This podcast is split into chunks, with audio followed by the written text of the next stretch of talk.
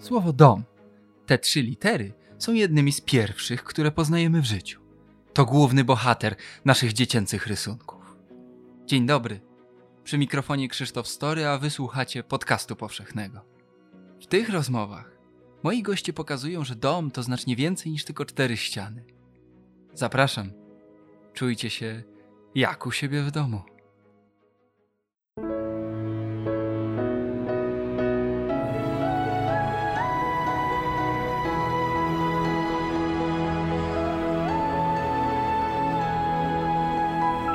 Podcast powszechny. Weź, słuchaj. Ten i kolejne odcinki podcastu Tygodnika Powszechnego powstają dzięki Waszemu wsparciu w serwisie Patronite. Z całego serca za to wsparcie dziękuję.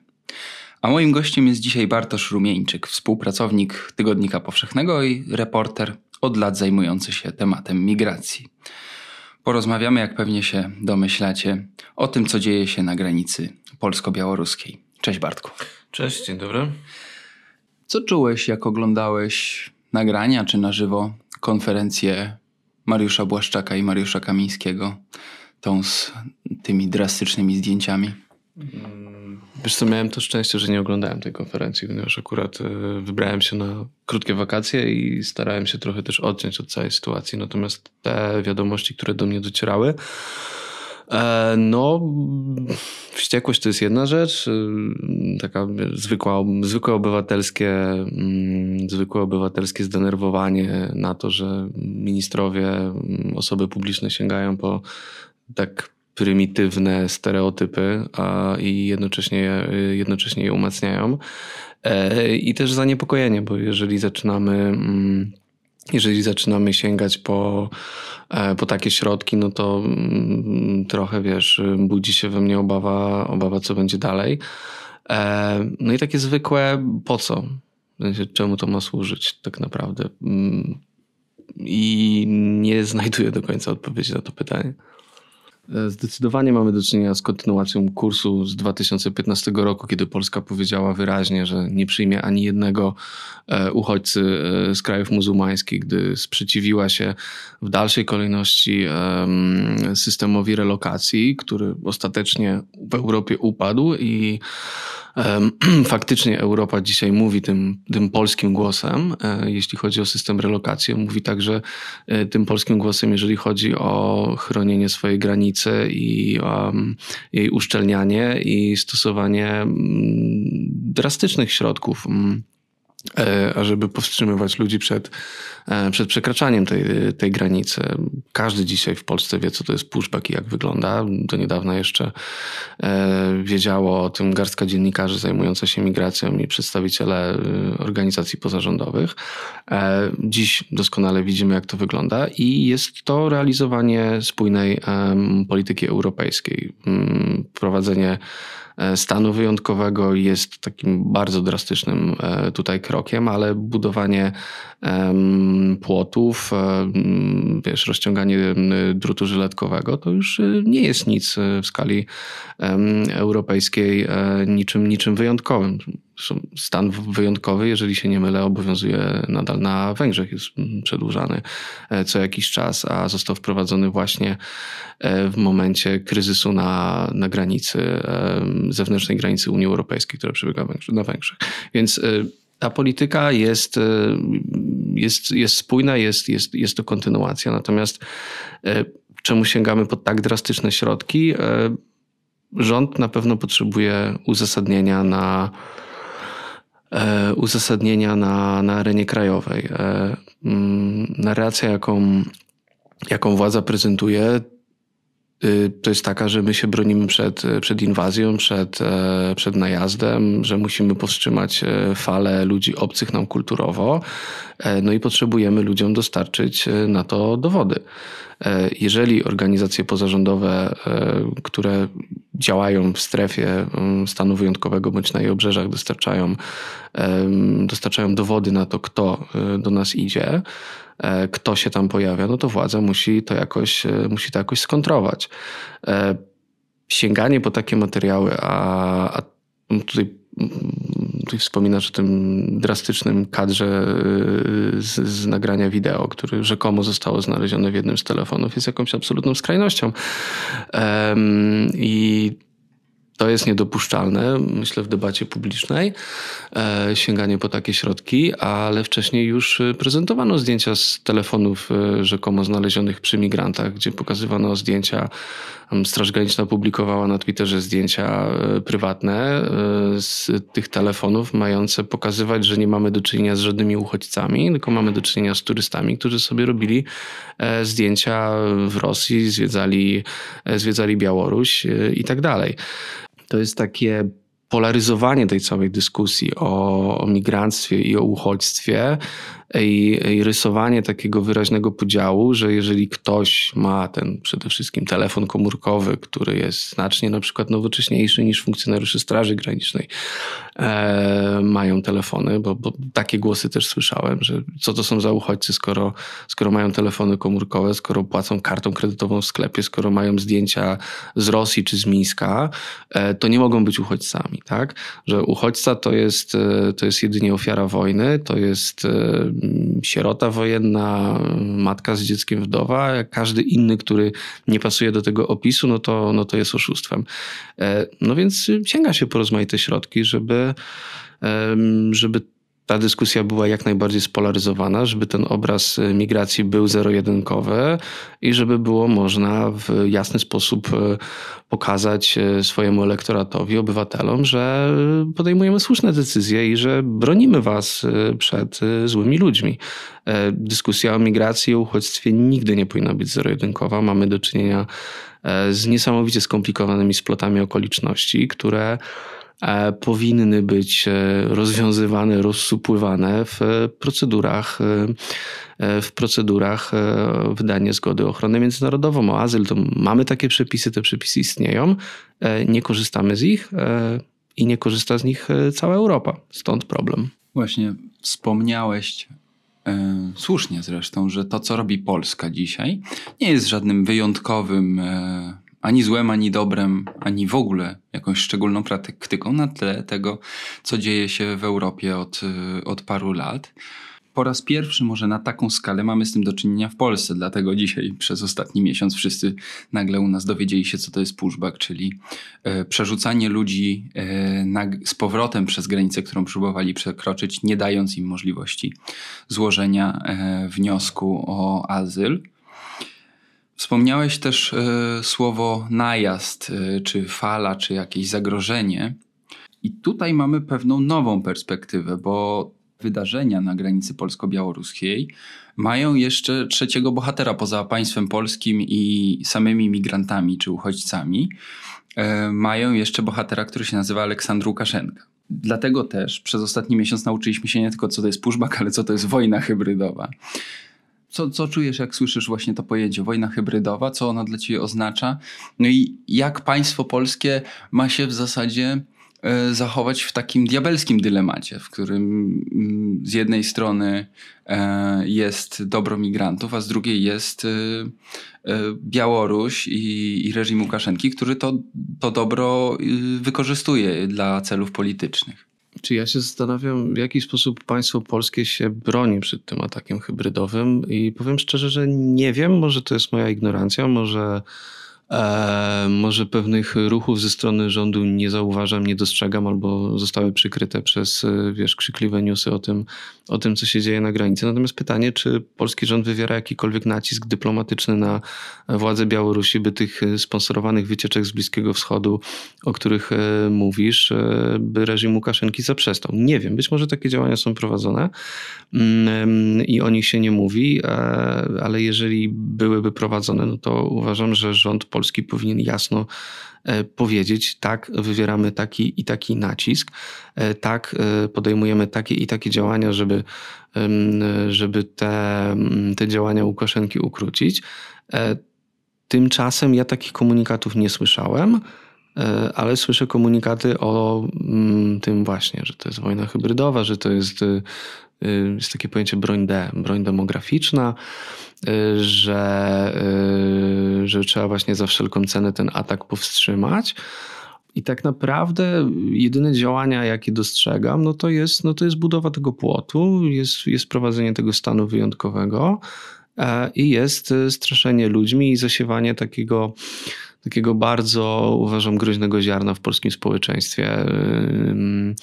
E, takiego strachu, obawy przed, przed tym obcym kulturowo mm, umacnianie tych, tych właśnie wszystkich jak, naj, jak najobrzydliwszych stereotypów.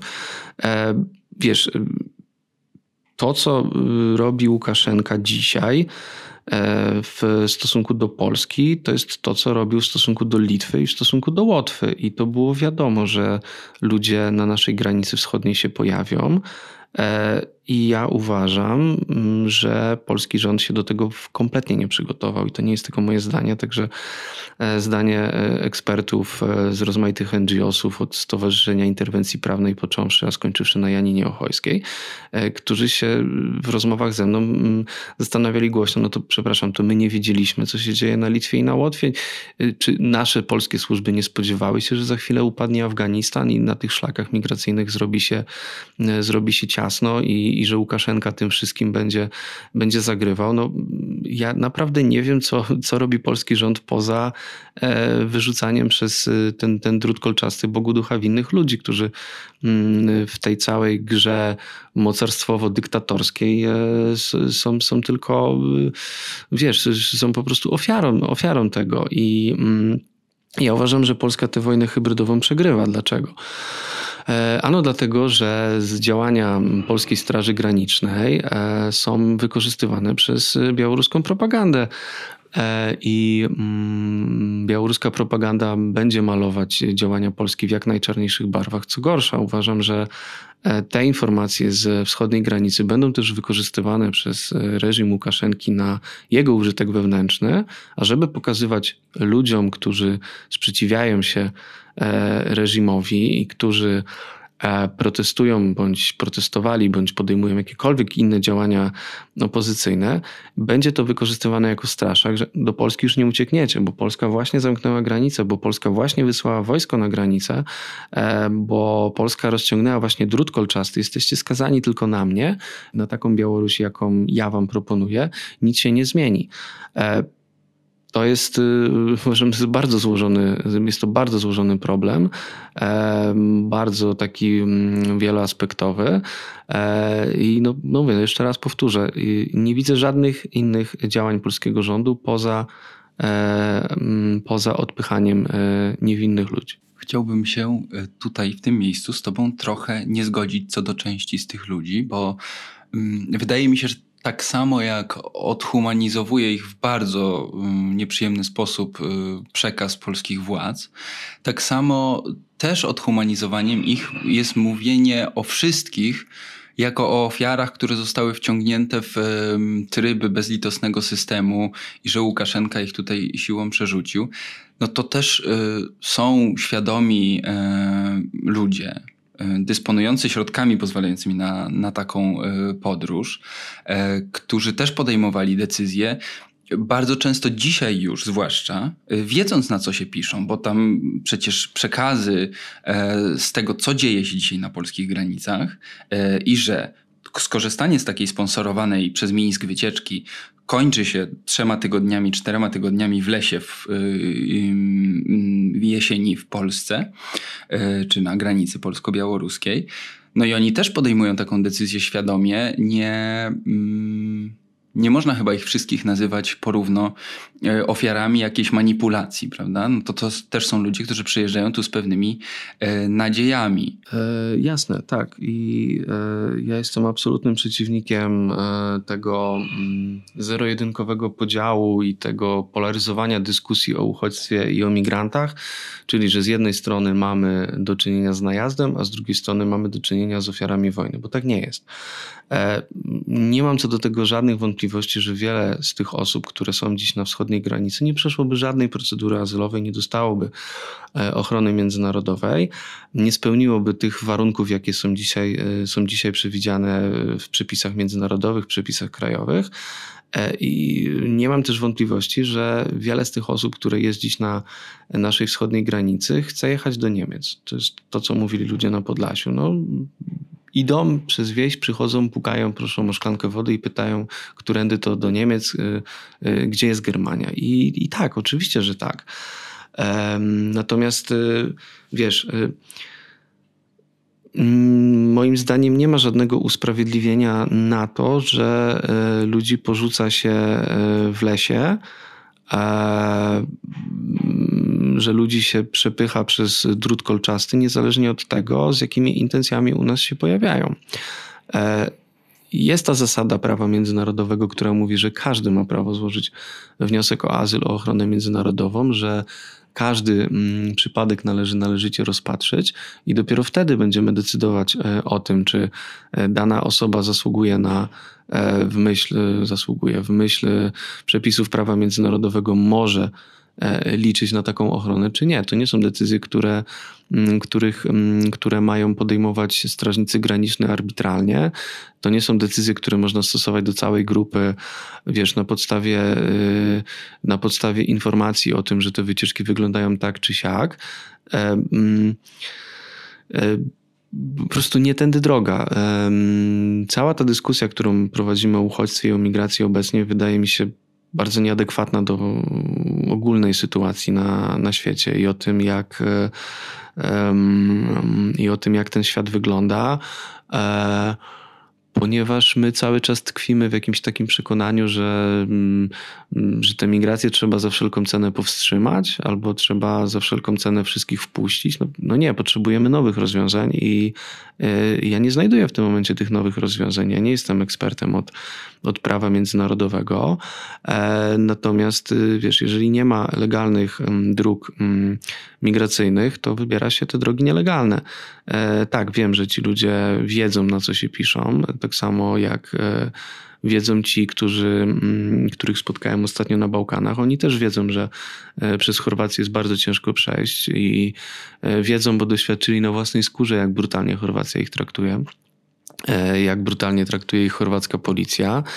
E, mimo to żywią nadzieję, że jak uda nam się dotrzeć do Włoch, to tam znajdziemy pracę i, i nasze życie się odmieni. I to jest nieprawda, bo e, ludzie, którzy z kolei docierają do Włoch i udaje im się e, wejść w ten system procedury azylowej,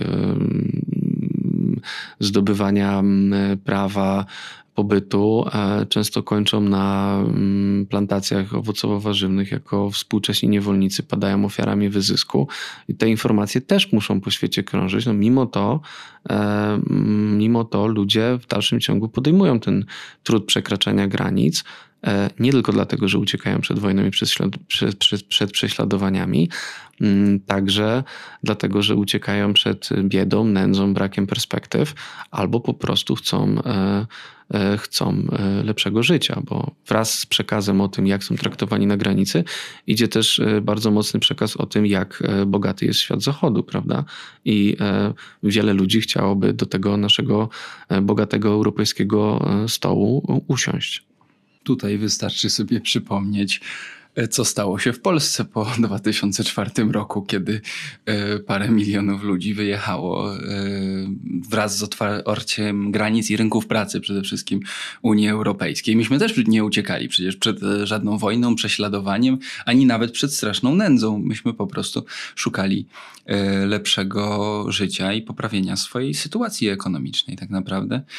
Tu myślę, masz rację, że fakt, że my obwarujemy się drutem ostrzowym i będziemy stosować pushbacki e, i będziemy robić dramatyczne konferencje prasowe, to nie znaczy, że migracja zniknie. E, to znaczy, to nie jest chyba rozwiązanie problemu. Pytanie, co jest, bo to jest na razie jedyna koncepcja, trochę jaką mamy. Od 2 września w Polsce obowiązuje stan wyjątkowy. On też nie jest wyjątkowy, bo podobne obowiązują na Litwie i Łotwie, z pewnymi różnicami dość istotnymi państwo polskie e, e, w ramach przepisów o wprowadzeniu stanu wyjątkowego de facto pozbawiła dostępu do tej strefy przygranicznej dziennikarzy i przedstawicieli organizacji pozarządowych. Na Litwie i Łotwie nie wygląda to tak ostro, te ograniczenia. Czy możesz jakoś porównać tę sytuację? No to faktycznie jest dobre pytanie, yy, dlaczego i, i, i, czemu ma służyć ten, ten stan wyjątkowy. On jest, yy, on jest wymierzony w dziennikarzy aktywistów, to jest jasne. Yy, dziennikarze, aktywiści, także mieszkańcy Podlasia usłyszeli to od niejednego, yy, niejednego patrolu podczas kontroli, że to, to, nie jest wymierzone w mieszkańców, po prostu yy, ma tu być spokój. Yy, ten stan wyjątkowy został wprowadzony przede wszystkim po to, żeby Straż Graniczna mogła spokojnie pracować. Tak, tak to tłumaczono. Natomiast y, jaki jest jego, jaki jest jego szerszy cel? No, pff, trochę gubię się w domysłach tak naprawdę, ponieważ y, polski rząd ma taką, taką tendencję takiego mm, dopychania spraw do ściany, tak? takiego stawiania spraw y, na ostrzu noża, takiego trochę polskiego potrząsania szabelką i i takiego mm, bardzo radykalnego podejścia e, do wielu zjawisk, zamiast pewne rzeczy za, załatwiać po prostu e, polubownie, trochę na takiej zasadzie wilk syty i owca cała, będziemy realizować tę politykę graniczną, którą uważamy za słuszną i która jest spójna mm, z polityką europejską, ale jednocześnie nie będziemy się obawiać relacjonowania naszych działań w mediach, nie będziemy przepędzać dziennikarzy i pokażemy, że jesteśmy krajem mm, cywilizowanym, no tymczasem nie, powiedzieliśmy jasno, mm, wszyscy mają się z, z tego Podlasia wynieść, nikt tam nie może, nikt tam nie może wjechać. E, moim zdaniem bardzo szkodliwa decyzja, nawet, nawet PR-owa dla, dla polskiego rządu i e, nie wiem, nie wiem czemu to ma do, nie wiem czemu ma to do końca służyć tak naprawdę.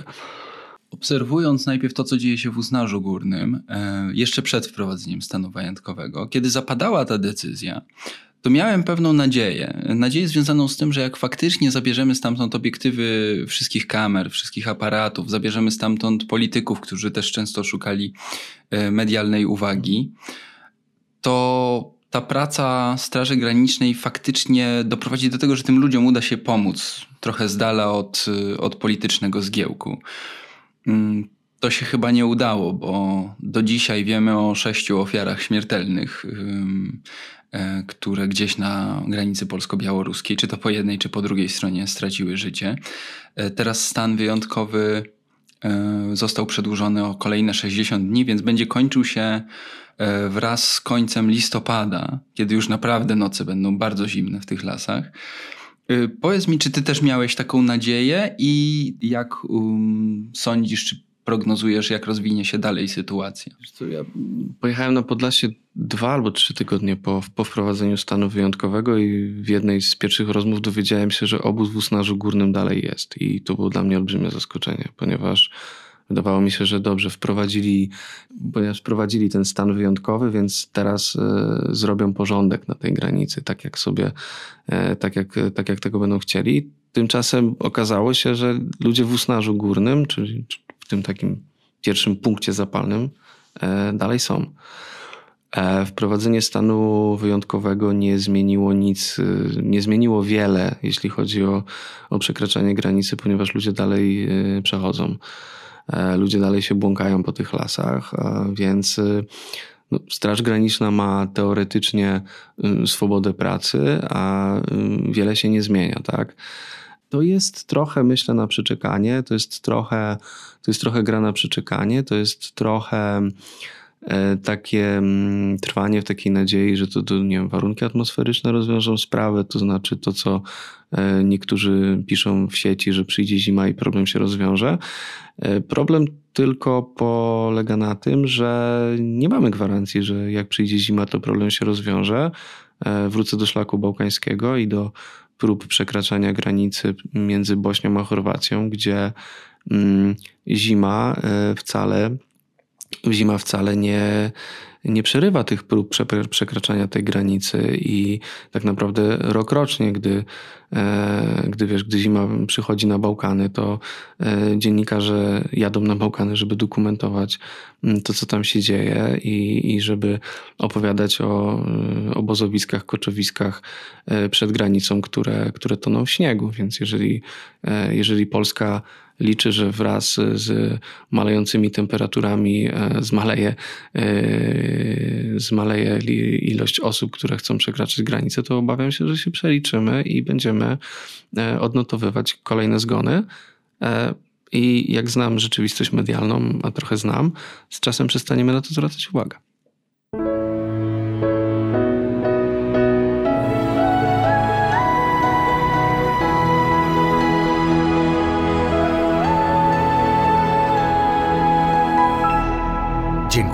Patronkom i patronom za wsparcie.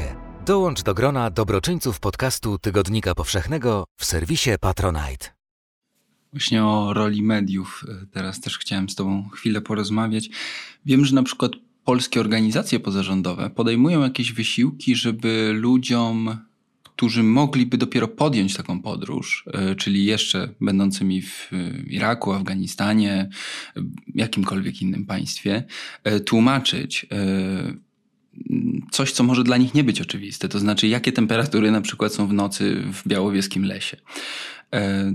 Media też oczywiście relacjonują to nasze krajowe i trochę też mam wrażenie stępiają wrażliwość, no bo wraz z każdą kolejną informacją, z każdym kolejnym człowiekiem przerzuconym do lasu w nocy yy, i zostawionym tam przez Straż Graniczną jednego czy drugiego państwa, trochę nam tej wrażliwości ubywa. Ty miałeś okazję trochę tę wrażliwość osobiście przetestować, sprawdzić, bo spędziłeś niedawno tydzień w obszarze tuż obok strefy stanu wyjątkowego. Rozmawiałeś z ludźmi. Pierwsze, co zaskoczyło mnie w rozmowach z ludźmi na Podlasiu, to to, że każdy mówi uchodźca, y, że nie używa się praktycznie żadnych innych określeń. Rzadko mówi się o migrantach, a już w ogóle nie słyszałem jakichś um, pejoratywnych czy dehumanizujących określeń. Postawę ludzi wobec y, obcokrajowców, którzy przychodzę do ich wsi, określiłbym jako taką życzliwą obojętność, e, co jest chyba też trochę specyfiką w ogóle wsi jako takiej, że jednak e, ludzie są trochę bardziej otwarci i jeżeli nie wiem, pukasz do drzwi i chcesz o coś zapytać, to otwierają i starają ci się pomóc. E, na tyle, na ile potrafią, i, i tak też zachowują się e, Podlasianie w stosunku do, do uchodźców e, i do migrantów. Tam praktycznie każdy zna kogoś, kto otworzył drzwi i podał tę szklankę wody. Bądź pozwolił na podładowanie telefonu, ale jednocześnie każdy po takiej wizycie w swoim obejściu sięga po telefon i dzwoni po Straż Graniczną, ale nie dlatego, że tych ludzi się boi bądź chce ich e, zadenuncjować, e, tylko dlatego, że no to nie może być tak, żeby ktoś się błąkał po polu. No, trzeba coś z tym zrobić, trzeba jakoś zareagować i jedyne rozwiązanie, jakie znamy, no to dzwonimy po, po Straż Graniczną, dzwonimy po służby. E, Dlatego też, że Straż Graniczna na Podlasiu cieszy się, bądź cieszyła się, przynajmniej dla niektórych już się nie cieszy, e, olbrzymim zaufaniem. To, jest, to są tereny, gdzie jest więcej Straży Granicznej niż funkcjonariuszy policji i funkcjonariusze Straży Granicznej często pełnią taką rolę, mm, pełnią taką rolę, e, rolę policjantów. E, mm, więc stąd, stąd, też, stąd też takie reakcje. Słyszałem też na Podlasiu dużo zrozumienia. E, to, co mówiłeś o, o polskim doświadczeniu e, emigracyjnym, zarobkowym, jest tam. Mm, mm, to doświadczenie jest tam bardzo żywe. E, zupełnie przypadkiem spotkałem mm, dwóch mężczyzn. Jeden dopiero co wrócił z Islandii z pracy, a drugi dopiero co wrócił z Wielkiej Brytanii, odwiedzając rodzinę, więc no, jakby żywy przykład tego, że, że Polacy też emigrują. E, też emigrują za, za pieniędzmi, za lepszym życiem. I w nich jest sporo tego zrozumienia.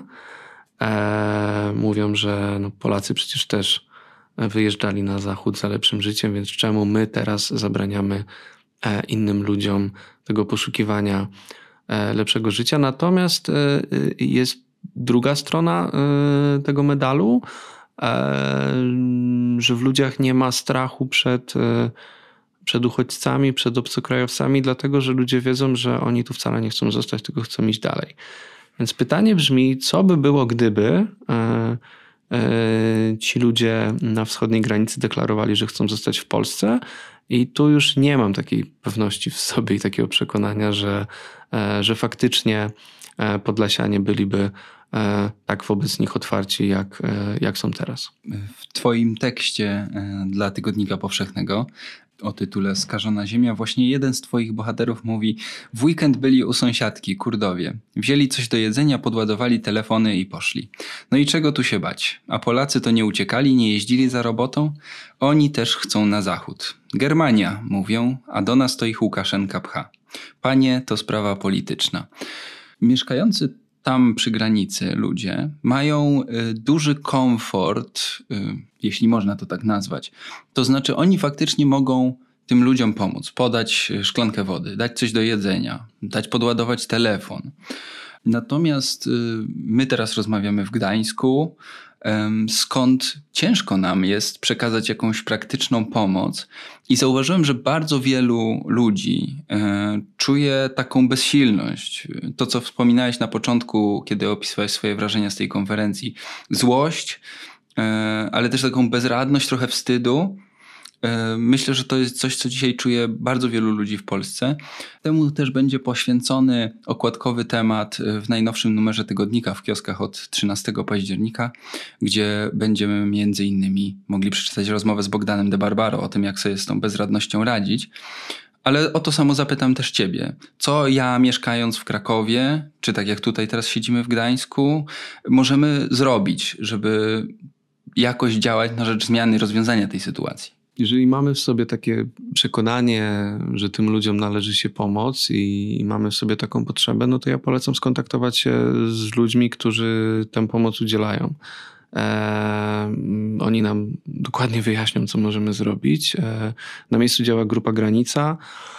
E, grupa aktywistów, która udziela mm, tej takiej pierwszej podstawowej pomocy ludziom napotkanym w lesie, czyli e, ciepły posiłek, suche ubranie, e, rozmowa i przy okazji dokumentacja historii, której my dziennikarze w tym momencie nie możemy, nie możemy tych historii dokumentować. Wiem, że Grupa Granica prowadzi trzy rodzaje y, działalności w tym momencie: zrzutka finansowa, e, zbiórka pomocy rzeczowej oraz możliwość pojechania na miejsce e, i, pomagania wolontariuszom. E, tu mm, chciałbym no, jasno podkreślić, że musimy wiedzieć, po co chcemy pojechać i musimy wiedzieć, co możemy zaoferować. E, I dlatego też mówię o skontaktowaniu się z ludźmi, którzy wiedzą lepiej od nas, co robić, bo nie potrzebujemy w tym momencie e, na Podlasiu drugiego usnaża górnego, przecinania drutów e, kolczastych w akcie mm, obywatelskiego nieposłuszeństwa. Mówię to ze sporym przekąsem. Manifestacji, powiewających flag i wiesz, scen jak rodem z Warszawy ze strajków kobiet, bo, bo, bo nie bo e, w lasach są konkretni, e, konkretni ludzie e, i to po obu stronach. Są strażnicy graniczni, są obcokrajowcy i jakiekolwiek eskalowanie tam sytuacji nikomu w tym momencie nie służy, bo jeżeli Straż Graniczna zostanie obrażona przez manifestujących, to może później to odreagować na ludziach.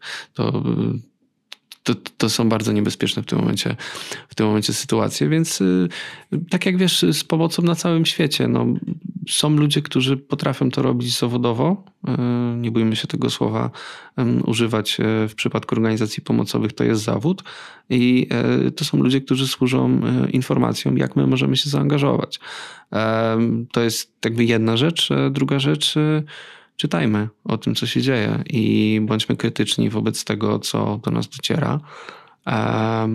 I starajmy się docierać do jak najbardziej e, zniuansowanych przekazów, a nie e, zero-jedynkowych, e, zero-jedynkowych obrazów. Z tym czytaniem to ze względu na stan wyjątkowy jest duży problem z tymi zni nie, zniuansowanymi przekazami. Y, sam, jak rozmawialiśmy jeszcze przed e, nagraniem, powiedziałeś, że teraz, pomimo że jesteś reporterem, który zajmuje się od lat migracjami, nie masz tam w zasadzie po co jechać. E, wszystko opiera się na tym, co, tych informacjach, które wypływają od samych migrantów, e, najczęściej kontaktujących się właśnie z organizacjami działającymi na miejscu, no albo przekazy Straży Granicznej.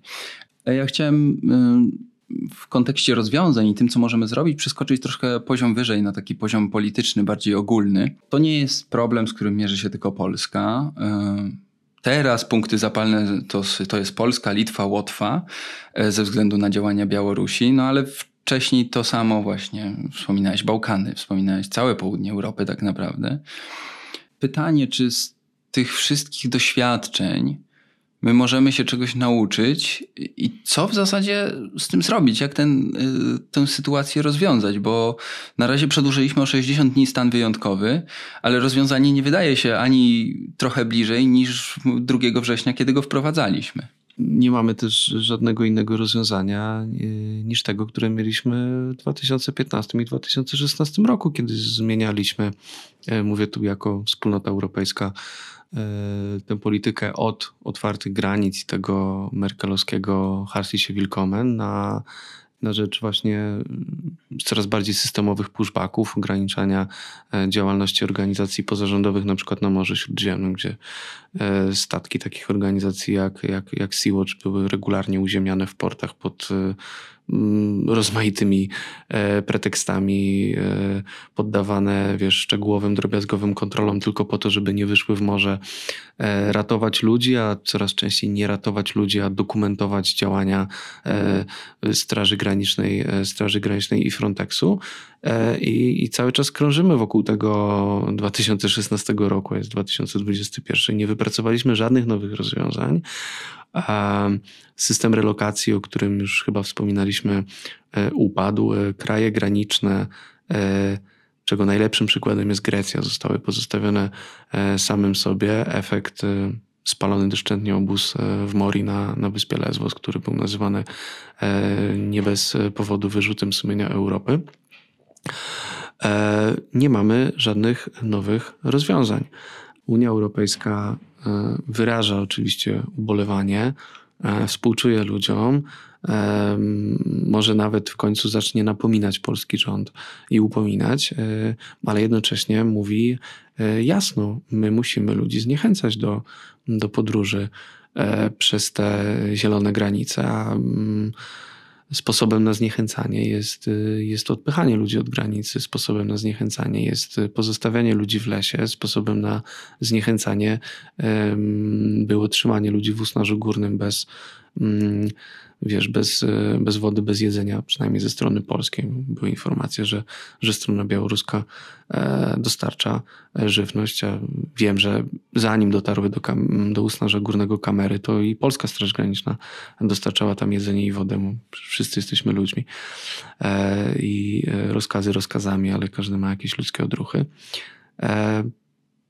Wiesz co... Y, od różnych ekspertów, e, działaczy różnych organizacji e, słyszałem takie rozwiązanie. Wspomina się o, o, o po prostu otworzeniu legalnych kanałów migracji, o e, umożliwieniu ludziom z większej ilości krajów na wiesz, występowanie o, o wizy, o zgodę na, o zgodę na wjazd do, do tego fortu Europa, bo dzisiaj Europa jest jak fort. I myślę, że to jest e, to rozwiązanie, o którym powinniśmy w tym momencie dyskutować, czyli o, o legalnych e, drogach migracyjnych e, oraz o powinniśmy też, myślę, rozpocząć bardzo szeroką dyskusję o w ogóle przedefiniowaniu terminu migracji, o zmianie naszego myślenia o migracji, o uchodźstwie, bo wiesz, za chwilę będziemy mieli do czynienia z uchodźcami klimatycznymi. Mamy do czynienia e, cały czas z uchodźcami e, łamane przez migrantami, bo nawet ciężko określić to, jaki jest status tych osób, które uciekają z Iraku, gdzie nie ma konfliktu zbrojnego w tym momencie i, i mm, nie możemy mówić o jakimś systemowym prześladowaniu, ale, ale mamy do czynienia z ucieczkami z terenów, które bezpieczne nie są które cierpią mm, e, biedę, ale także są na tyle niestabilne politycznie i tu nie tylko mowa o Iraku, ale o wielu innych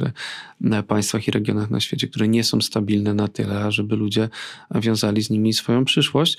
E, I warto też, myślę, pamiętać o tym, że jeśli się nie mylę, osób, e, których się określa w języku angielskim jako displaced, czyli wysiedlonych, przesiedlonych, zmuszonych do ucieczki ze swojego domu, jest ponad 80 milionów, z czego ponad 3 czwarte przebywa w krajach tak zwanych rozwijających się, e, czyli mamy do czynienia z olbrzymią rzeszą ludzi, którzy uciekają ze swoich domów i wcale do Europy nie docierają, co więcej, wcale do tej Europy nie chcą docierać, bo, e, człowiek zmuszony do ucieczki chce wrócić do swojego domu.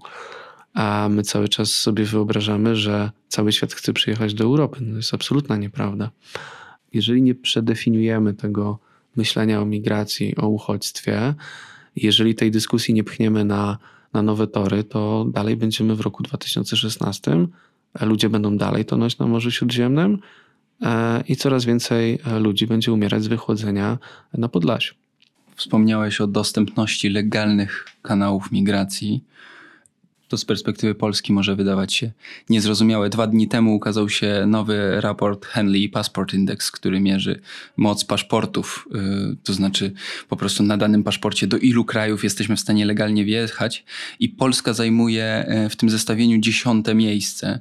Y, możemy legalnie, bez wizy wjechać do 182 państw na świecie dla porównania, bo możemy sobie tego po prostu tej braku dostępności nie wyobrażać. Najgorszym paszportem świata jest paszport afgański i jeśli jesteśmy obywatelem Afganistanu, to możemy legalnie, bez wizy wjechać do 26 zaledwie państw na świecie, więc to jest kilkukrotna różnica. Czy w przypadku tych ludzi, którzy decydują się korzystać z tych nielegalnych kanałów migracji, powinniśmy w takim razie jako Europa wrócić do dyskusji o systemie relokacji?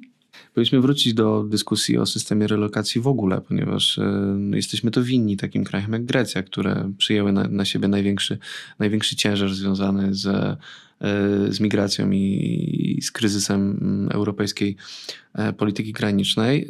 I jest to faktycznie rozwiązanie, ponieważ wiesz, jeżeli, jeżeli my zaczniemy mm, postępować zgodnie z prawem międzynarodowym, czyli rozpatrywać e, wnioski o ochronę międzynarodową składane przez ludzi na naszej wschodniej granicy, e, no to niewątpliwie w świat pójdzie sygnał, że do Polski można wjechać, więc możemy się spodziewać coraz to większej ilości osób i wtedy my staniemy się taką Grecją e, Europy.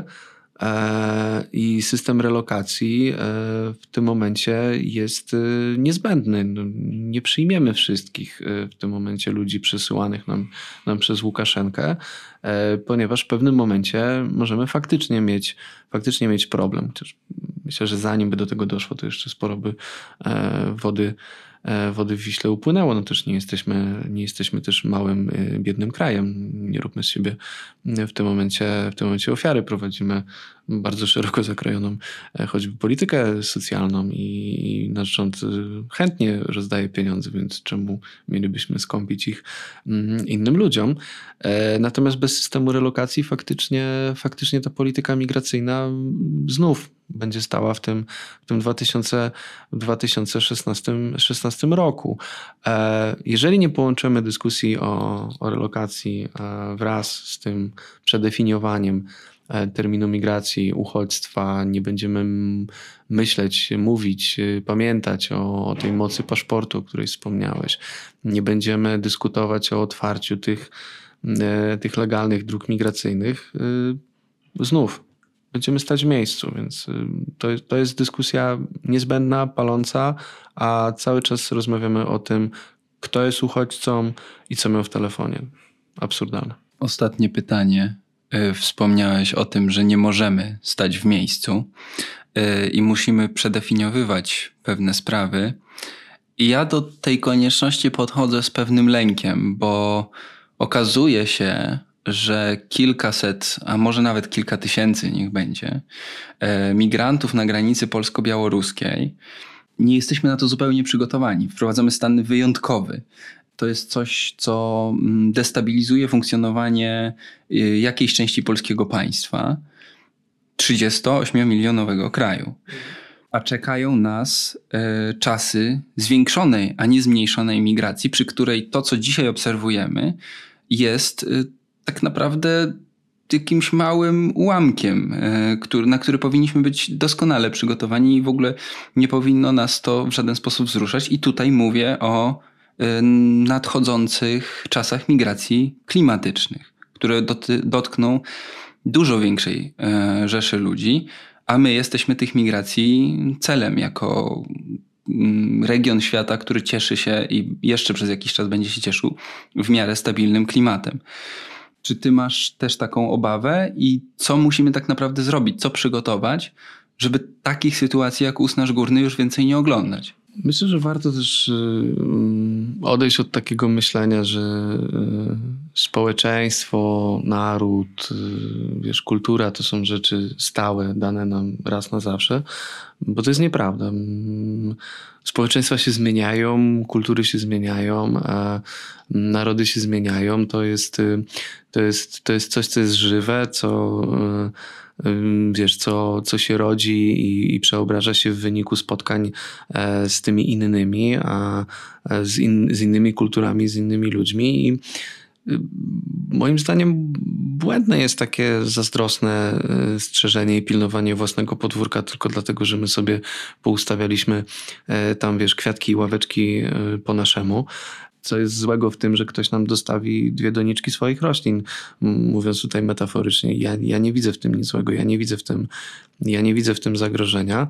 E, jeżeli pojawiają się jakieś zagrożenia, bo mnóstwo się mówi o tym, a co się dzieje w Niemczech, znajomy był, widział, to jest niewyobrażalne, nie wiem, Szwecji nie ma, czy tam Danii, gdzieś są strefy szariatu, gdzieś są jakieś, e, wiesz, problemy z integracją bądź nieintegracją, ale współfunkcjonowaniem e, bez jakichś tarć, no to ja zawsze y, wtedy sobie, wiesz, zadaję pytanie, no ale to, to jest wina ludzi, czy to jest wina władz, czy y, to, że powstają dzielnice nędzy wynika z tego, że ludzie, y, wiesz, programowo nie chcą, nie chcą, nie chcą pracować i chcą żyć na tym mitycznym zachodnim socjalu, czy, czy może są jakieś większe ku temu powody. E, ja pochodzę z Radomia.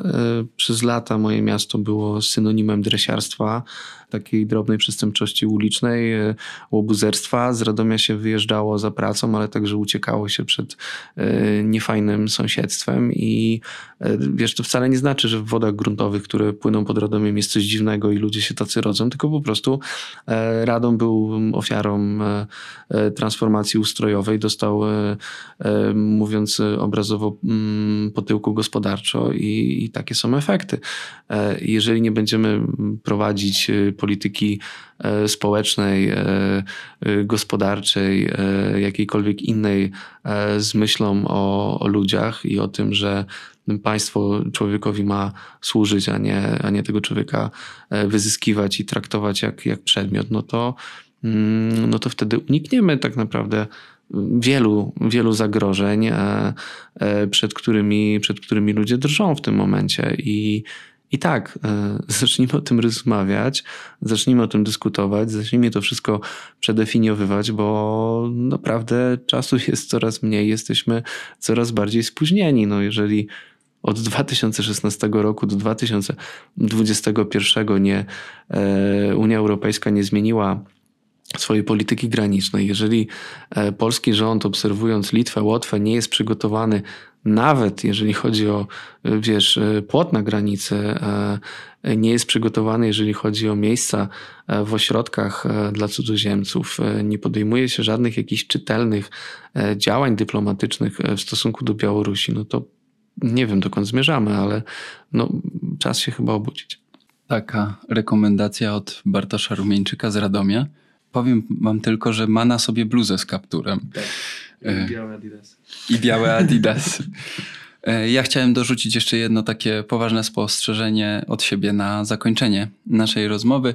To jest cytat. Nie pamiętam teraz autora, ale to jest cytat, który został y, stworzony jako opis pierwszej fali imigracji masowej do Niemiec tej z lat 70., 60. nawet, e, kiedy tam przyjechało e, ponad 2 miliony ludzi, głównie z Turcji. Mhm. Niemcy potrzebowały wtedy taniej tak naprawdę siły roboczej. Zaproszono e, tych ludzi, natomiast nie za bardzo się nimi zajęto. Ktoś powiedział o tamtej fali, zaproszono migrantów, a przez przypadek przyjechali też ludzie. I tą myślą e, zakończmy kolejny odcinek domu. Moim gościem był Bartosz Rumieńczyk, e, współpracownik tygodnika, reporter. Dziękuję Ci bardzo za rozmowę. Dziękuję również. Ten i kolejne odcinki podcastu powszechnego powstają także dzięki Waszemu wsparciu w serwisie Patronite. Dzięki bardzo za to wsparcie. E, ja nazywam się Krzysztof Story. Zapraszam Was na kolejne spotkania i dziękuję za to. Do usłyszenia. Współwydawcą podcastu powszechnego jest Fundacja Tygodnika Powszechnego. Jeśli słuchają nas Państwo w Spotify albo w Apple Podcasts, zasubskrybujcie nasz kanał. Jesteśmy też w Google Podcasts i w aplikacji Lekton oraz na www.tygodnikpowszechny.pl/podcast.